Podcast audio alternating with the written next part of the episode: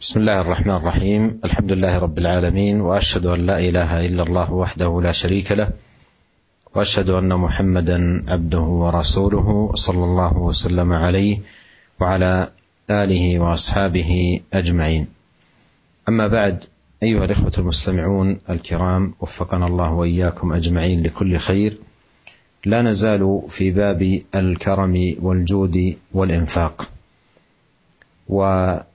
وقد أورد رحمه الله جملة من الأحاديث عاشرها حديث أنس رضي الله عنه قال ما سئل رسول الله صلى الله عليه وسلم على الإسلام شيئا إلا أعطاه ولقد جاءه رجل فأعطاه غنما بين جبلين فرجع إلى قومه فقال يا قوم أسلموا فإن محمدا يعطي عطاء من لا يخشى الفقر. وإن كان الرجل ليسلم ما يريد إلا الدنيا فما يلبث إلا إلا يسيرا حتى يكون الإسلام أحب إليه من الدنيا وما عليها. وهذا الحديث أيها الإخوة الكرام فيه عظيم كرم نبينا عليه الصلاة والسلام. وهذه الشهادة واضحة في كرمه عليه الصلاة والسلام. يا قوم أسلموا فإن محمدا يعطي عطاء من لا يخشى الفقر. وكان لهذا الكرم والجود منه صلوات الله وسلامه عليه أثره البالغ في إقبال الناس لأنه تألفهم عليه الصلاة والسلام بالعطاء والنفقة والبذل. فكان أناس يسلمون أول الأمر لا يريدون إلا الدنيا لما يرونه من عطاء نبينا وجوده عليه الصلاة والسلام. ثم بعد ذلك يقف الواحد منهم على محاسن هذا الدين وعظمته. ويعرف عن كثب فيتحول وليس شيء أحب إليه من هذا الدين ويكون الدين أحب إليه من الدنيا وما عليها. والحديث فيه الترغيب في النفقة والبذل والعطاء وأيضا في إعطاء الفقراء وذوي الحاجة تاليفا لقلوبهم وتحبيبا لهم لهذا الدين العظيم Alhamdulillah segala puji bagi Allah Subhanahu wa taala Rabb semesta alam Salawat dan salam semoga senantiasa tercurah kepada Rasulullah SAW, para sahabat beliau, dan juga keluarga beliau sampai akhir zaman. Para pendengar yang dimuliakan oleh Allah Subhanahu wa taala, masih kita bersama bab Al-Karam wal Judi wal Infaq. Bab tentang kemurahan hati dan juga kedermawanan dan juga infak di dalam jalan-jalan kebaikan. Al-Imam An-Nawawi rahimahullah telah membawakan kepada kita hadis-hadis yang berkaitan dengan kemurahan hati, kedermawanan dan juga infak di dalam jalan-jalan kebaikan. Dan sampai kita kepada hadis yang ke-10 yaitu hadis Anas bin Malik radhiyallahu anhu. Semoga Allah meridai beliau. Beliau berkata tidaklah Rasulullah sallallahu alaihi wasallam diminta sesuatu demi masuknya seseorang dalam Islam kecuali beliau akan memberinya dan sungguh telah datang kepada beliau seseorang maka beliau memberikan orang tersebut kambing sebanyak atau seluas daerah antara dua gunung. Maka dia pun kembali kepada kaumnya dan berkata, Wahai kaumku, masuk Islamlah kalian, karena sesungguhnya Muhammad telah memberikan pemberian orang yang tidak takut kemiskinan. Dan terkadang seseorang masuk Islam, dia tidak menginginkan kecuali dunia. Kemudian tidaklah berlalu waktu yang sebentar kecuali Islam menjadi sesuatu yang lebih dia cintai daripada dunia dan seisinya. Hadis ini diriwayatkan oleh Imam Muslim. Para pendengar yang dimuliakan oleh Allah Subhanahu wa taala, di dalam hadis ini ada keterangan tentang kemurahan hati Nabi kita Muhammad sallallahu alaihi wasallam. Dan di dalam hadis ini pula ada syahadah, ada persaksian dari manusia tentang kemurahan hati dan kedermawanan beliau. Dan ini sudah cukup. Dia mengatakan kepada kaumnya, "Wahai kaumku, masuk masuk Islamlah kalian." Karena sesungguhnya Muhammad telah memberikan pemberian orang yang tidak takut dengan kemiskinan. Dan kemurahan hati ini dan juga kedermawanan memiliki pengaruh yang sangat besar terhadap hidayah manusia karena sebab kemurahan hati dan juga kedermawanan ini. Dan terkadang manusia di zaman beliau sallallahu alaihi wasallam pada awalnya dia masuk Islam tidak menginginkan kecuali dunia saja. Ketika mereka melihat kedermawanan Nabi sallallahu alaihi wasallam.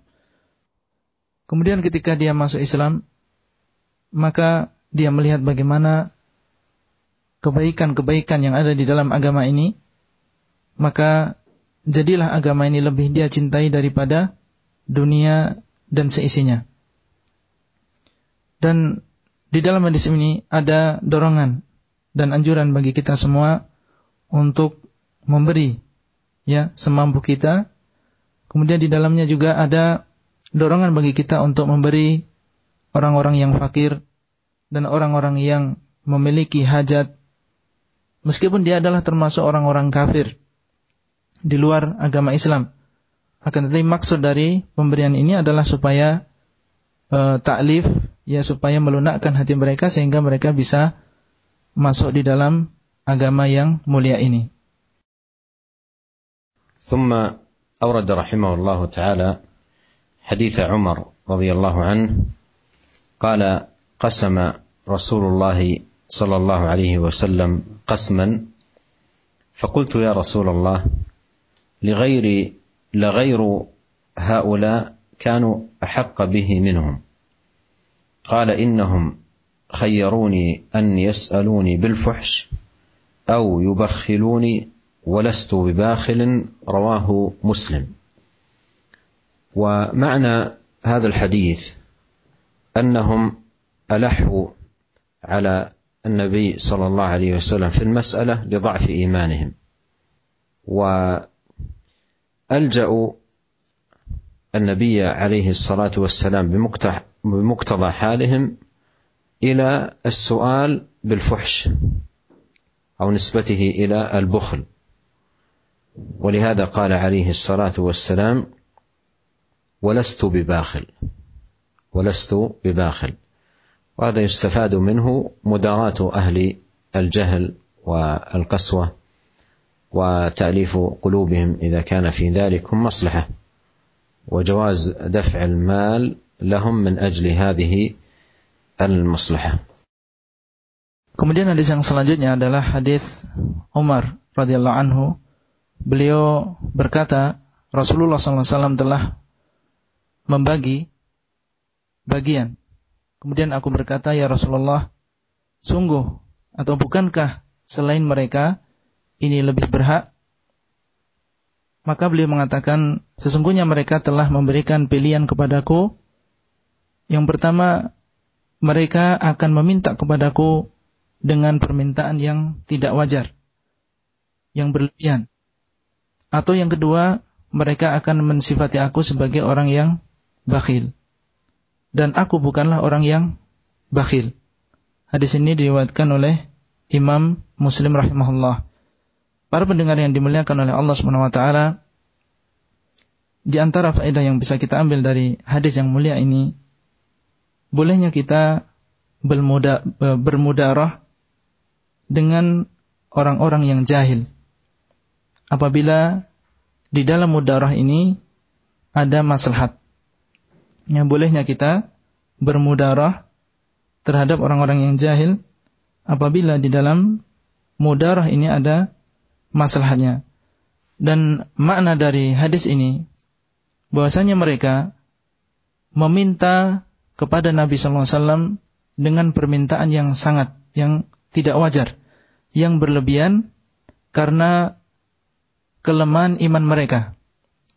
Sehingga mereka memaksa Nabi SAW untuk memilih satu di antara dua perkara. Yang pertama adalah meminta kepada beliau permintaan yang berlebihan, yang tidak wajar, atau kalau beliau tidak memberi maka beliau akan disifati sebagai orang yang bakhil. Makanya beliau mengatakan di sini walastu bi bakhil. Ya, sedangkan aku bukanlah termasuk orang yang yang bakhil. ثم أورد رحمه الله حديث جبير بن مطعم رضي الله عنه أنه قال بينما هو يسير مع النبي صلى الله عليه وسلم مقفله من حنين فعلقه الأعراب يسألونه حتى اضطروه إلى سمرة فخطفت رداءه فوقف النبي صلى الله عليه وسلم فقال أعطوني ردائي فلو كان لي عدد هذا العظاه نعما لقسمته بينكم ثم لا تجدوني بخيلا ولا كذابا ولا جبانا. رواه البخاري. قوله مقفله أي حال رجوعه والسمرة شجرة والعظاه شجر له شوك. وهذا الحديث كسابقه فيه بيان عظيم كرم النبي عليه الصلاة والسلام. وأيضا فيه عظيم خلقه وحسن احتماله. صلوات الله وسلامه عليه.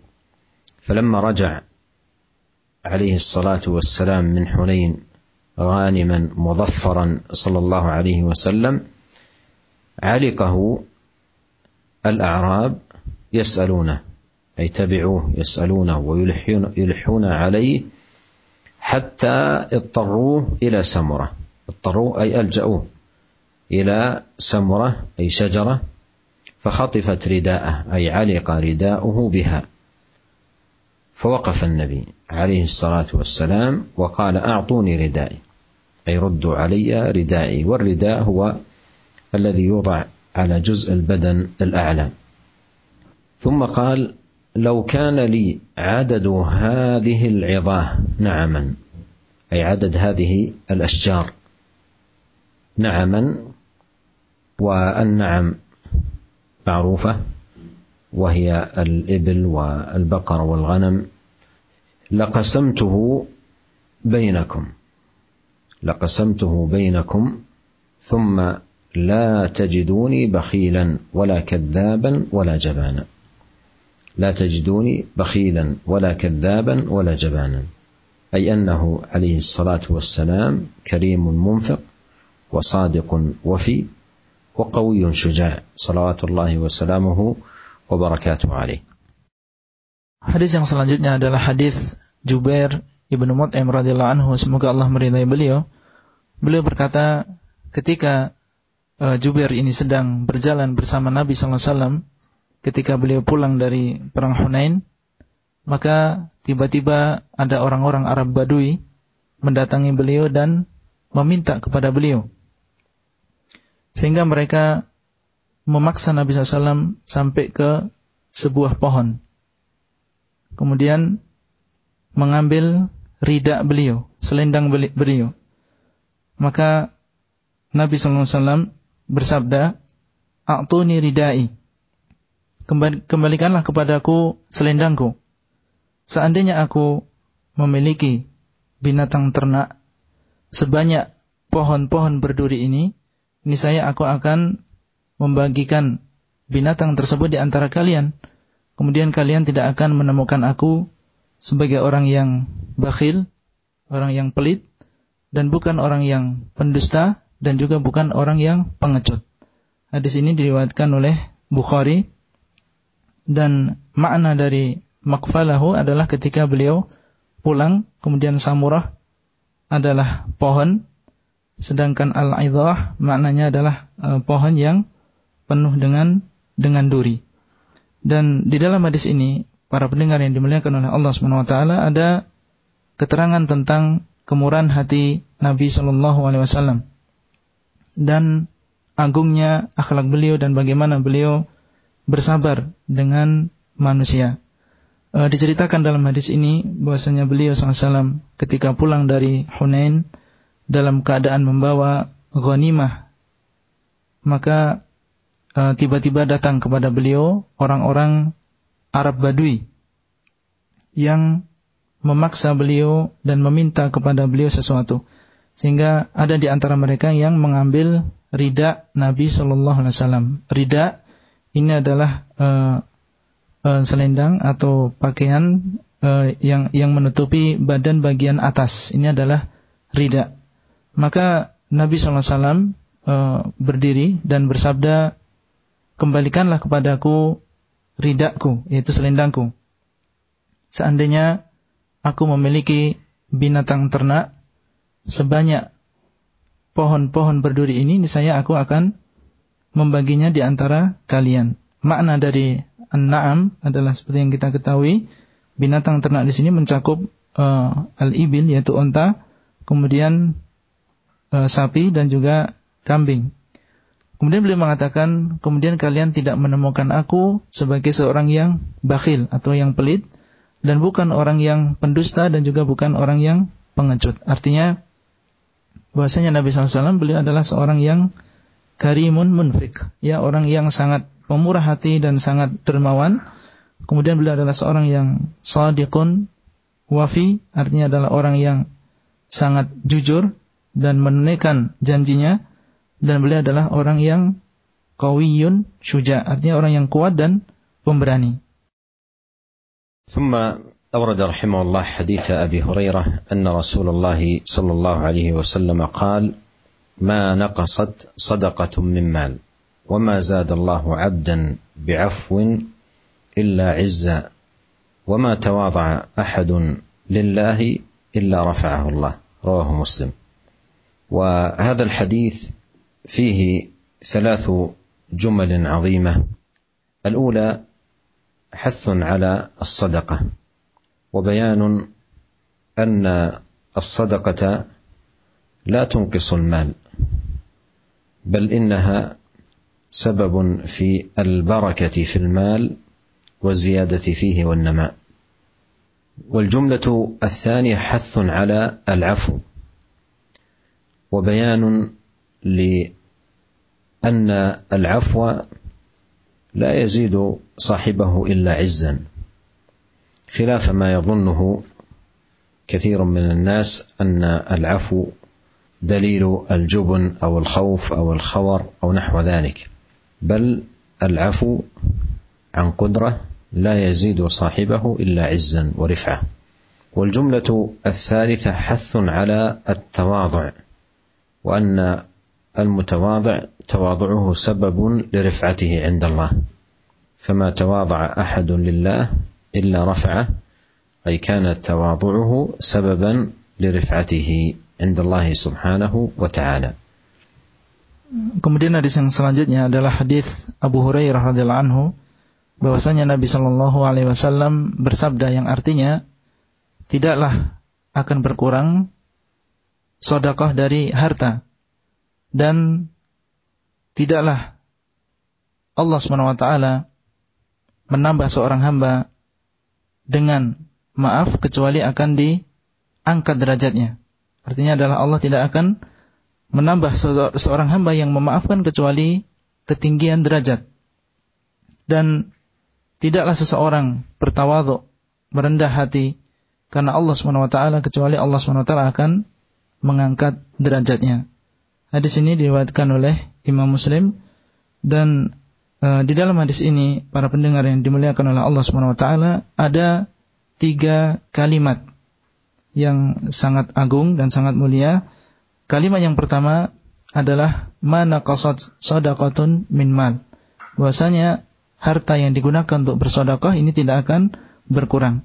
Di dalamnya ada dorongan bagi kita semua untuk bersedekah dan infak di jalan Allah Subhanahu wa taala dan keterangan bahwasanya sedekah tersebut tidak akan mengurangi harta kita.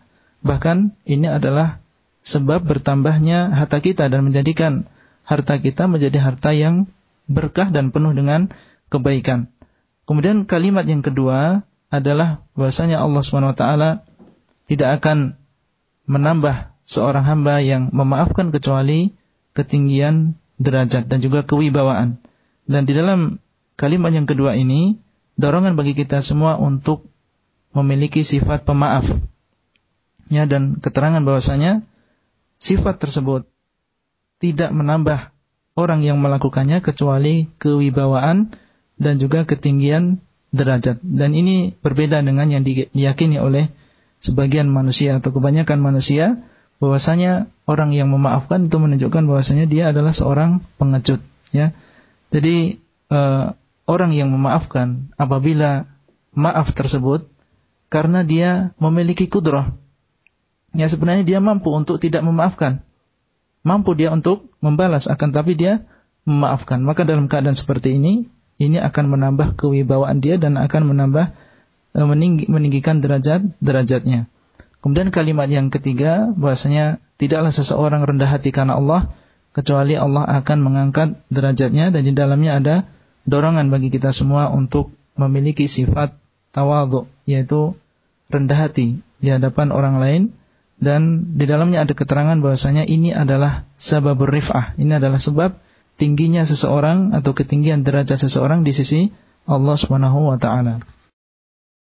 ثم أورد رحمه الله حديث أبي كبشة عمر بن سعد الأنماري رضي الله عنه أنه سمع رسول الله صلى الله عليه وسلم يقول ثلاثة أقسم عليهن وأحدثكم حديثا فاحفظوه. ما نقص مال مال عبد من صدقة ولا ظلم عبد مظلمة صبر عليها إلا زاده الله عزا. ولا فتح عبد باب مسألة إلا فتح الله عليه باب فقر أو كلمة نحوها. أو كلمة نحوها. وأحدثكم حديثا فاحفظوه. قال إنما الدنيا لأربعة نفر. عبد رزقه الله مالا وعلما فهو يتقي فيه ربه. ويصل فيه رحمه ويعلم لله فيه حقا فهذا بأفضل المنازل. وعبد رزقه الله علما ولم يرزقه مالا فهو صادق النية. يقول لو أن لي مالا لعملت بعمل فلان فهو بنيته فاجرهما سواء. وعبد رزقه الله مالا ولم يرزقه علما فهو يخبط في ماله بغير علم. لا يتقي فيه ربه ولا يصل فيه رحمه ولا يعلم لله فيه حقا. فهذا بأخبث المنازل. وعبد لم يرزقه الله مالا ولا علما. فهو يقول لو أن لي مالا لعملت فيه بعمل فلان فهو نيته فوزرهما سواء فهو نيته فهو بنيته فوزرهما سواء. رواه الترمذي وقال حديث حسن صحيح. هذا الحديث معاشر الاخوه المستمعون الكرام فيه اولا هذه الثلاث الجمل العظيمة التي قالها النبي عليه الصلاة والسلام وأقسم أبي أقسم أبي كبشة رضي الله عنه أقسم أبو كبشة رضي الله عنه على أنها آه، سمعها من النبي عليه الصلاة والسلام وحث على حفظها. الأول منها أن الصدقة لا تنقص من المال بل تزيده. والثاني أن العفو لا يزيد صاحبه إلا عزا وهاتان الخصلتان تقدمتا في حديث أبي هريرة. والثالثة أن من فتح على نفسه باب المسألة لم يزده ذلك إلا فقرا. ثم ذكر في الحديث أن الدنيا لأربعة نفر. في بيان حال الناس مع الدنيا من حيث وجود المال أو عدم وجوده. الأول من هؤلاء من أعطاه الله المال وأعطاه أيضا العلم عنده مال وعلم. فهو بما آتاه الله من علم وفهم وبصيرة يتقي الله في المال فلا يصرفه ولا ينفقه إلا في حلة ولا يحصله إلا من حلة. ويصل أيضا الرحم ويعلم ما لله في هذا المال من حق فيقدم ذلك بنفس طيبة فهذا منزلته ومكانته بأفضل المنازل. والرجل الآخر عبد أتاه الله العلم ولم يؤته المال. أتاه الله علما ولم يؤته مالا. فنيته نية طيبة صحيحة بما آتاه الله من علم فيقول في نفسه لو أن لي مالا لعملت بعمل فلان فهو بنيته فهو بنيته فأجرهما سواء ذاك على عمله وهذا على نيته الصادقة. والرجل الثالث رجل آتاه الله مالا ولم يرزقه علما. فبسبب عدم وجود العلم عنده يخبط في المال بغير علم ولا يتقي ربه ولا يصل رحمه ولا يعلم حق الله في المال. قال هذا بأخبث المنازل. والرجل الرابع رجل ليس عنده مال وليس عنده علم لا علم ولا مال. فيقول بسبب جهله وعدم علمه وبصيرته يقول لو أن لي مالا لعملت فيه بعمل فلان فهو بنيته أي السيئة فوزرهما سواء ذاك وزره بسبب أعماله السيئة وهذا وزره بسبب نيته السيئة. Kemudian hadis yang selanjutnya adalah hadis uh, Abu Kabsyah Umar bin Sa'ad Al-Anmari radhiyallahu anhu semoga Allah meridai beliau. Bahwasanya beliau mendengar Rasulullah sallallahu alaihi wasallam bersabda tiga perkara yang aku bersumpah atas tiga perkara tersebut dan aku akan memberitahukan kepada kalian maka hafalkanlah. Tidak berkurang harta seorang hamba yang digunakan untuk bersodakoh. Dan tidaklah seseorang hamba dizalimi, kemudian dia bersabar, kecuali Allah akan menambahkan baginya kewibawaan. Dan tidaklah seorang hamba membuka bagi dirinya pintu mengemis dan juga permintaan, kecuali Allah SWT akan membuka atasnya pintu kemiskinan atau kalimat yang semisalnya. Dan aku akan memberitahukan kepada kalian, maka hendaklah kalian menghafalnya. Beliau bersabda, sesungguhnya dunia ini adalah untuk empat orang. Yang pertama, seorang hamba yang Allah berikan dia harta dan juga ilmu, maka dia bertakwa kepada Allah di dalam harta dan juga ilmunya, dan dia bersilaturahim dengan harta dan juga ilmunya dan mengetahui hak Allah di dalamnya, maka ini adalah sebaik-baik kedudukan atau kedudukan yang paling afdal, yang paling tinggi. Kemudian yang kedua, seorang hamba yang Allah berikan dia ilmu akan tetapi tidak diberikan harta. Maka dia memiliki niat yang baik. Dia berkata, seandainya aku memiliki harta, maka aku akan beramal seperti amalan si fulan yaitu yang bertakwa kepada Allah di dalam hartanya. Fahuwa biniyatihi maka dengan niat tersebut dia memiliki pahala yang sama dengan orang yang pertama. Kemudian seorang hamba yang Allah berikan dia harta akan tetapi tidak diberikan ilmu. Maka dia menggunakan harta tersebut tanpa ilmu dan tidak bertakwa kepada Allah di dalam hartanya. Tidak menggunakannya untuk silaturahim dan dan juga tidak mengetahui hak Allah di dalamnya, maka ini kata beliau adalah akhbathul manazil, adalah memiliki kedudukan yang paling rendah yang paling jelek. Kemudian seorang hamba yang Allah berikan dia yang tidak Allah berikan dia harta dan juga tidak diberikan ilmu. Kemudian dia mengatakan seandainya aku memiliki harta, niscaya aku akan mengamalkan seperti amalan si fulan. Itu orang yang ketiga tadi yang dia diberikan harta akan tapi tidak diberikan ilmu. Fahuwa biniyatihi maka dia dengan niatnya ini memiliki dosa yang sama dengan orang yang ketiga tadi. Hadis ini diriwatkan oleh Tirmidzi dan beliau berkata hadis ini adalah hadis yang hasan sahih, hadis hasan sahih.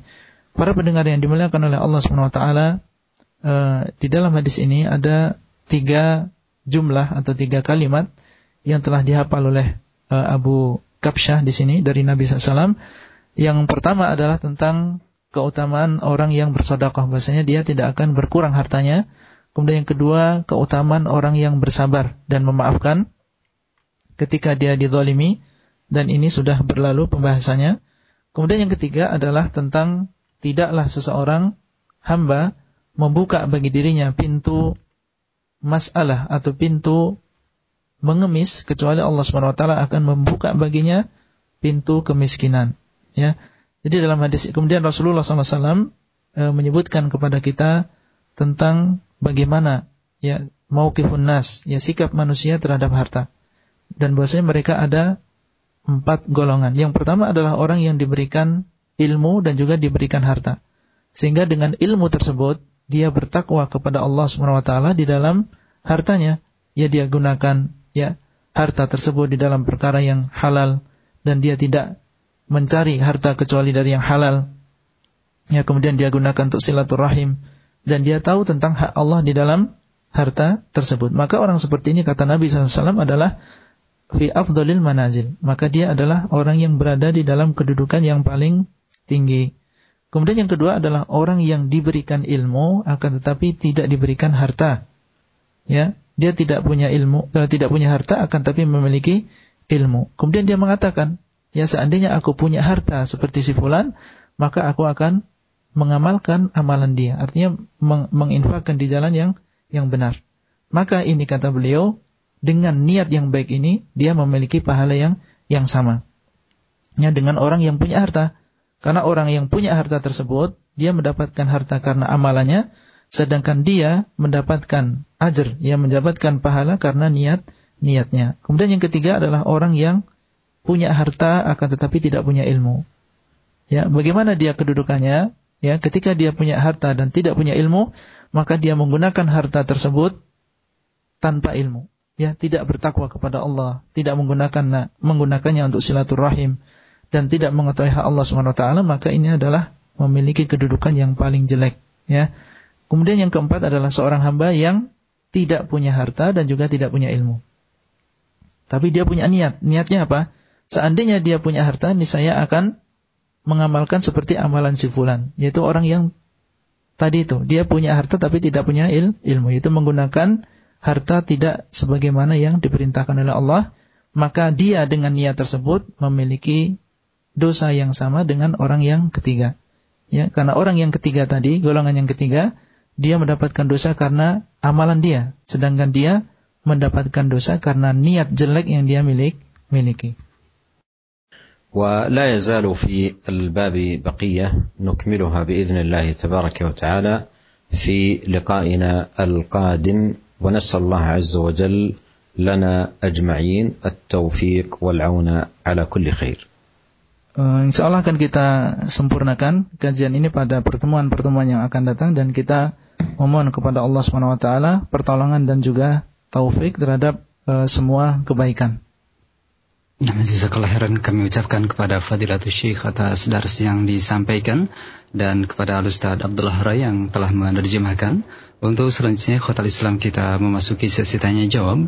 Untuk Anda yang akan bertanya, Silakan bisa Anda hubungi kami melalui telepon 021 823 6543 atau melalui pesan singkat di 0819896543 dan kami berharap pertanyaan Anda berkesesuaian dengan um, materi dan pembahasan di sore hari ini. Kita coba sapa. Naam. Assalamualaikum. Waalaikumsalam warahmatullah. Silakan dengan siapa dari mana Pak? Abu Muhammad Jakarta. Silakan Pak Abu Muhammad. Mendengar penjelasan saya tadi dari hadis Anas tadi, yang mana di negeri kami ini umat Islam sangat lemah akidahnya. Mereka terjerat dengan kesirikan dan kesesatan. Seperti misalnya dikasih ini saja, mau berubah agamanya apakah boleh bagi kami yang di Indonesia mempunyai kelebihan harta, mengumpulkan orang-orang miskin untuk diberi ilmu, akan tetapi mereka akan kami beri uang untuk kebutuhan hidupnya dan memberikan modal untuk usahanya. Apakah boleh demikian? Jazakallah khairan. Assalamualaikum warahmatullahi wabarakatuh. Waalaikumsalam warahmatullahi wabarakatuh. Terima kasih Pak Abu Muhammad. إعطاء الفقير المشرك تأليفا لقلبه وترغيبا له في الإسلام وتحبيبا لهذا الدين أمر آه، جاءت به الشريعة ودل عليه هدي النبي الكريم صلوات الله وسلامه عليه. وقد قال الله تعالى في القرآن لا ينهاكم الله عن الذين لم يقاتلوكم في الدين ولم يخرجوكم من دياركم أن تبروهم وتقسطوا إليهم. إن الله يحب المقسطين. وهم من المؤلفة. قلوبهم الذين يعطون من الزكاة زكاة المال المفروضة تحبيبا لقلوبهم لهذا الدين العظيم.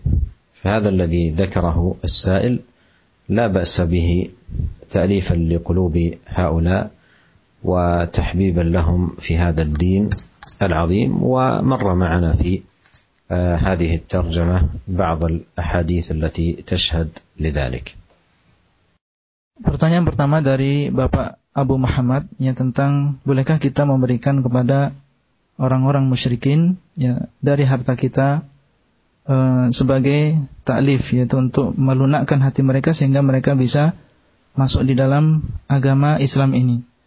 Maka uh, Syekh Hafizahullah Ta'ala mengatakan bahwasanya memberikan harta kepada orang yang fakir, orang yang miskin, yang dia adalah termasuk orang yang musyrik, dengan maksud untuk melunakkan hatinya dan menjadikan hatinya cinta terhadap agama ini, maka ini adalah petunjuk Allah dan juga Rasulnya. Telah datang di dalam Al-Quran, yang firman Allah SWT, La yanhakumullahu anil ladhina lam yuqatilukum fid din, walam yukhrijukum min diyarikum antabarruhum wa tuqsitu ilaihim. Yang artinya Allah Subhanahu wa taala tidak melarang kalian dari berbuat baik terhadap orang-orang yang tidak memerangi, memerangi kalian di dalam agama dan juga tidak mengeluarkan kalian, tidak mengusir kalian dari negeri kalian. Ya Allah tidak melarang kalian ya untuk berbuat baik kepada mereka dan berbuat adil kepada mereka. Sesungguhnya Allah mencintai orang-orang yang berbuat adil. Kemudian kita tahu bahasanya termasuk orang yang berhak untuk mendapatkan zakat yang diwajibkan adalah al-muallafah qulubuhum, yaitu orang-orang yang diharapkan lunak hatinya meskipun dia adalah bukan orang Islam, ya diharapkan lunak hatinya untuk masuk ke dalam agama Islam. Maka ini termasuk uh, golongan uh, orang-orang yang berhak untuk mendapatkan zakat yang yang wajib dan sudah berlalu bersama kita hari ini uh, beberapa hadis yang menunjukkan yang demikian itu. Jazakallah atas jawaban yang telah saya sampaikan. Kita angkat dari telepon kedua seorang ibu di Ambarawa, Jawa Tengah. Silakan ibu. Assalamualaikum Ustaz. Waalaikumsalam warahmatullah. Silakan Bu. Begini Ustaz, uh, saya ini punya suami ya. Apa namanya? Uh, punya pensiunan, punya apa itu kebun kopi luas, punya peternakan, kebun sapi banyak. Tapi dia kalau mau infak saya yang gitu. Jadi saya suka saya suka sembunyi-sembunyi ngasih itu Ustaz buat iya. infak masjid, buat jalan bukan ini. Tanpa diketahui oleh ya, suami gitu, ibu ya? Ya gitu, jadi saya suka sembunyi-sembunyi apa itu namanya saya dosa apa enggak. Nah, saya kata kalau enggak bilang sama suami itu dosa dan bagaimana apa kita dapat pahala apa enggak itu Ustaz ya. Coba saya minta penjelasan. Terima kasih Terima Ibu. kasih Ustaz Hmm. ya. Assalamualaikum warahmatullahi wabarakatuh. Waalaikumsalam warahmatullahi wabarakatuh. Silakan Ustaz. ليس لها ان تاخذ من ماله الا النفقه التي يحتاجون اليها في البيت ويضطرون اليها اذا كان لا ينفق على أهل بيته. وأما أمور الصدقة فإن الذي عليها أن تكثر من حثه على الصدقة وترغيبه في البذل والعطاء وتذكر له الأدلة على ذلك. وإن قرأت عليه باب الكرم والجود والإنفاق من رياض الصالحين الكتاب الذي نقرأه وأوقفته على بيان معناه. وأيضا الاستماع إلى ما يجري من بيان لفوائد هذا هذه الأحاديث لعل الله سبحانه وتعالى أن ينفعه بذلك Eh, pertanyaan dari seorang ibu dari Ambarawa bahwasanya beliau memiliki suami yang memiliki harta yang cukup banyak akan tapi dia sayang untuk, menginfakkan harta tersebut di jalan Allah SWT sehingga kadang secara sembunyi-sembunyi ya ibu tersebut e, menginfakkan sebagian dari harta suaminya. Apakah e, apa yang beliau lakukannya adalah sebuah dosa atau dia mendapatkan pahala? Maka jawaban dari Syekhuna Hafizahullah Ta'ala bahwasanya uh, tidak berhak bagi seorang wanita untuk mengambil dari harta suaminya kecuali memang nafkah yang wajib bagi suami tersebut. Ya, tidak boleh dia mengambil kecuali memang itu adalah nafkah yang memang merupakan kewajiban dari suami tersebut. Ya, adapun sedekah, ya maka uh, yang bisa dia lakukan adalah memberikan dorongan kepada suaminya untuk memperbanyak sedekah. Jadi yang bisa dia lakukan hanyalah memberikan dorongan dan bisa saja dia e, memberikan kepada suaminya tersebut atau menerangkan kepada suaminya tersebut dalil-dalil yang menunjukkan tentang keutamaan sedekah di jalan Allah. Dan bisa juga dia me, membacakan kepada suaminya bab al-karam, ya bab tentang kemurahan hati dan juga kedermawanan yang sedang kita baca ini yaitu dari kitab Riyadhus Salihin. Kemudian menerangkan semampunya makna dari hadis-hadis tersebut dan juga ayat-ayat tersebut dan juga e, menunjukkan kepadanya fawaid-fawaid faedah-faedah yang bisa diambil dari e, hadis-hadis dan juga ayat-ayat tersebut. Nah, jazakallah khairan atas uh, jawaban yang disampaikan. Demikian untuk ibu yang berada di Ambarawa. Kita angkat dari penelpon ketiga, ada Abu Zikri di Tarakan, Kalimantan Timur. Silakan. Assalamualaikum warahmatullahi wabarakatuh. Waalaikumsalam warahmatullahi wabarakatuh. Barakallahu fiik. Wa fika barakallah. Silakan, Pak. Uh, Syekh, saya ingin bertanya, bagaimana hukumnya perayaan Maulid Nabi yang diadakan di masjid-masjid yang mana di dalamnya ditampilkan wanita-wanita di tengah kaum laki-laki berdendang-dendang. Nah. Mohon penjelasannya saya. Terima kasih Pak Abu Zikri. Baik. Ya. Assalamualaikum. Waalaikumsalam warahmatullahi wabarakatuh. Silakan Ustaz. ينبغي اولا أن يعلم أن محبة النبي عليه الصلاة والسلام ومعرفة قدره العلي صلوات الله وسلامه عليه أمر واجب ومتحتم بل قال عليه الصلاة والسلام لا يؤمن أحدكم حتى أكون أحب إليه من والده وولده والناس أجمعين. ولقد ضرب أصحاب النبي الكريم عليه الصلاة والسلام المثل الأعلى في محبته صلى الله عليه وسلم. وكانوا انموذجا رفيعا عليا لمن جاء بعدهم في تحقيق هذه المحبة. ومن يطالع سيرتهم العطرة وأخبارهم العظيمة لا يجد فيها شيئا من هذه الاحتفالات بل يرى فيهم الاتباع الصادق والسير الحثيث على نهج نبينا الكريم صلوات الله وسلامه عليه.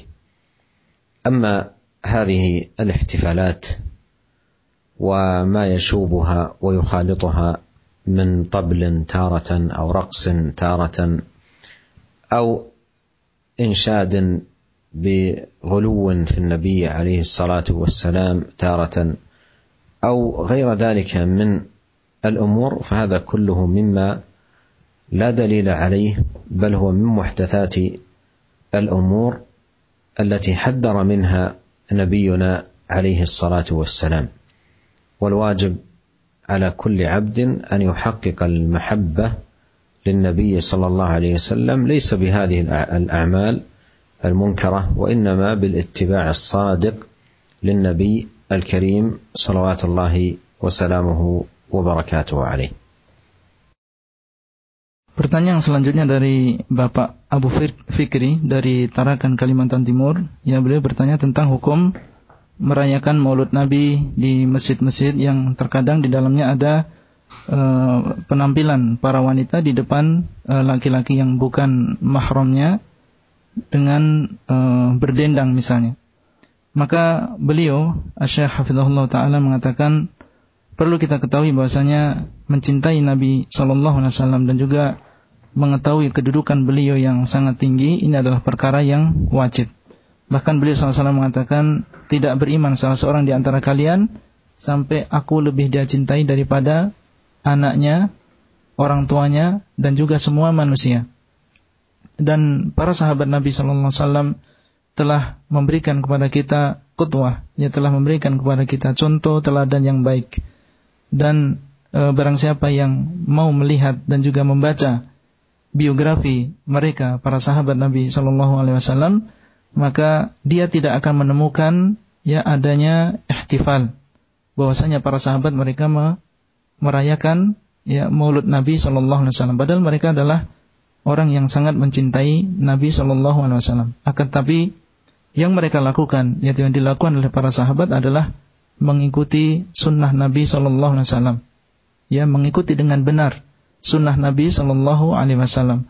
Adapun perayaan-perayaan Maulid yang di dalamnya ada dendang-dendang dan juga uh, tarian-tarian atau di dalamnya ada nasyid yang isinya adalah hulu yang berlebih-lebihan dalam memuji Nabi Sallallahu Alaihi Wasallam maka ini semua tidak ada dalilnya bahkan ini termasuk eh, perkara-perkara yang baru yang diadakan di dalam agama ini oleh karena itu yang wajib bagi seorang muslim adalah mewujudkan kecintaannya kepada Nabi Shallallahu Alaihi Wasallam dengan ittiba yaitu mengikuti sunnah beliau Shallallahu Alaihi Wasallam. Nah. Untuk selanjutnya kita angkat dari pertanyaan uh, telepon kembali sudah ada uh, Umu Saadah di Banyumas Jawa Tengah. Silakan Umu. Terima kasih. Assalamualaikum warahmatullahi wabarakatuh, Seh. Waalaikumsalam warahmatullahi uh, Mau bertanya, anak seorang karyawati yang mempunyai penghasilan sendiri bukan dari nafkah suami. Kemudian anak sodakoh kepada uh, tetangga atau kepada siapa pun tanpa sepengetahuan suami. Apakah ini diperbolehkan? Sodakoh dari penghasilan ibu sendiri, ya? Iya, kemudian Baik. saya sodakoh tanpa sepengetahuan suami. Apakah ini diperbolehkan? diperbolehkan.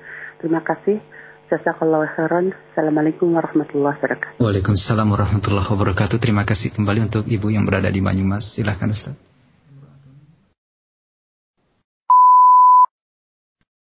هذه تسأل أن لها راتب وأيضا لها زوج هل لها أن تتصدق من مالها أي راتبها الذي يخصها فالجواب نعم مالها لها إن شاءت تصدقت به وإن شاءت أبقته أو استفادت منه في أي وجه من الوجوه المباحة Pertanyaan selanjutnya adalah dari Ummu Sa'adah dari Jawa Tengah. Beliau bertanya bahwasanya beliau adalah seorang uh, karyawati yang memiliki penghasilan sendiri bukan dari suami.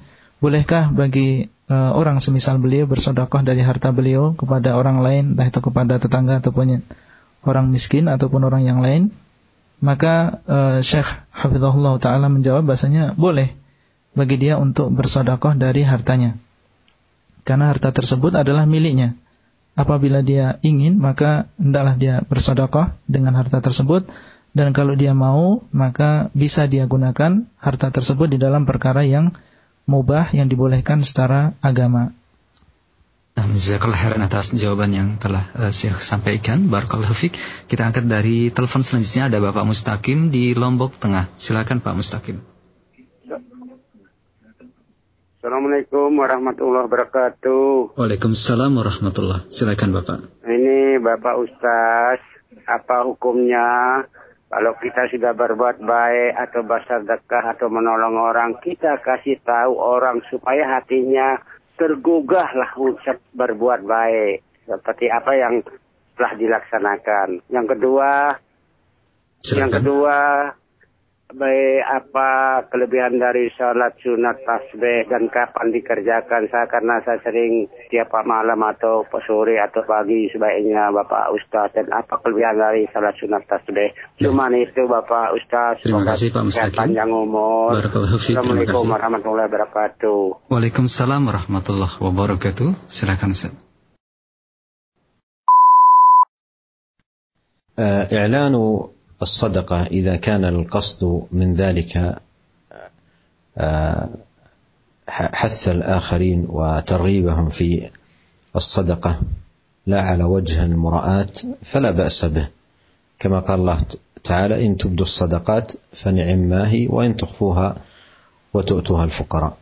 فإعلانها إذا كان على وجه آه، صحيح ومقصد سليم فلا بأس بذلك. لا بأس بذلك. وأما عن السؤال الآخر فهو عن صلاة التسبيح فالصلاة جاءت لها صفة آه، مبينة في بعض الاحاديث عن رسول الله صلى الله عليه وسلم واختلف في صحتها من ضعفها هل هي ثابتة أو غير ثابتة والأقرب الله تعالى أعلم عدم ثبوتها عن النبي الكريم صلوات الله وسلامه وبركاته عليه Pertanyaan selanjutnya dari Bapak Mustaqim dari Lombok Tengah. Beliau bertanya e, dua pertanyaan. Yang pertama, apa hukum kita me, e, bersedekah kemudian kita memberitahu orang lain ya dengan maksud supaya orang lain tersebut tergugah untuk bersedekah Eh, kemudian yang kedua adalah tentang keutamaan sholat tasbih dan kapan dikerjakan. Uh, Syekhuna Hafizahullah Ta'ala beliau menjawab bahwasanya mengumumkan sodakoh atau memberitahu orang lain uh, bahwasanya seorang bersodakoh supaya orang lain tersebut tergugah ya untuk bersodakoh juga dan bukan dengan maksud ria maka yang demikian itu diperbolehkan ya dan Allah swt mengatakan intu bedus sodakati fani'immahi dan apabila kalian menunjukkan atau mengumumkan yang menunjukkan sedekah kepada orang lain maka ini adalah e, baik ya ini menunjukkan bahasanya e, menunjukkan sedekah kepada orang lain dan memberitahu orang lain bahwasanya dia sudah bersedekah supaya orang lain tersebut tergugah dan juga ikut bersedekah maka ini diperbolehkan. Pertanyaan kedua tentang e, salat tasbih maka telah datang e, sifat dan juga cara sholat tasbih ini di dalam uh, hadis Nabi Shallallahu Alaihi Wasallam dan para ulama uh, berselisih pendapat tentang kesahihan uh, hadis ini. Ada di antara mereka yang mensahihkan dan ada di antara mereka yang mendoifkan dan yang lebih dekat ya, menurut saya yaitu menurut Syekh Hafizahullah Taala adalah uh, bahwasanya hadis ini tidak sahih atau tidak tetap dari Nabi Shallallahu Alaihi Wasallam. Nah, di penghujung acara kami uh, meminta kepada Fadilatul Syekh untuk memberikan ikhtitam. Natlubu minkum al-ikhtitam. في ختام هذا اللقاء أسأل الله عز وجل أن يتقبل منا أجمعين وأن يوفقنا لكل خير وأن ينفعنا بما علمنا وأن يزيدنا علما وأن يصلح لنا شأننا كله إنه سميع قريب مجيب السلام عليكم ورحمة الله وبركاته Waalaikumsalam warahmatullahi wabarakatuh. Jazakallah Ya. khairan ya Syekh. Ya, di akhir pertemuan ini maka saya memohon kepada Allah taufik eh, untuk semuanya dan semoga Allah SWT memberikan manfaat terhadap ilmu yang Allah berikan kepada kita dan menambah ilmu tersebut dan memperbaiki perkara kita semuanya. Sesungguhnya Allah Maha mendengar, Maha dekat dan Maha mengabulkan doa kita semua.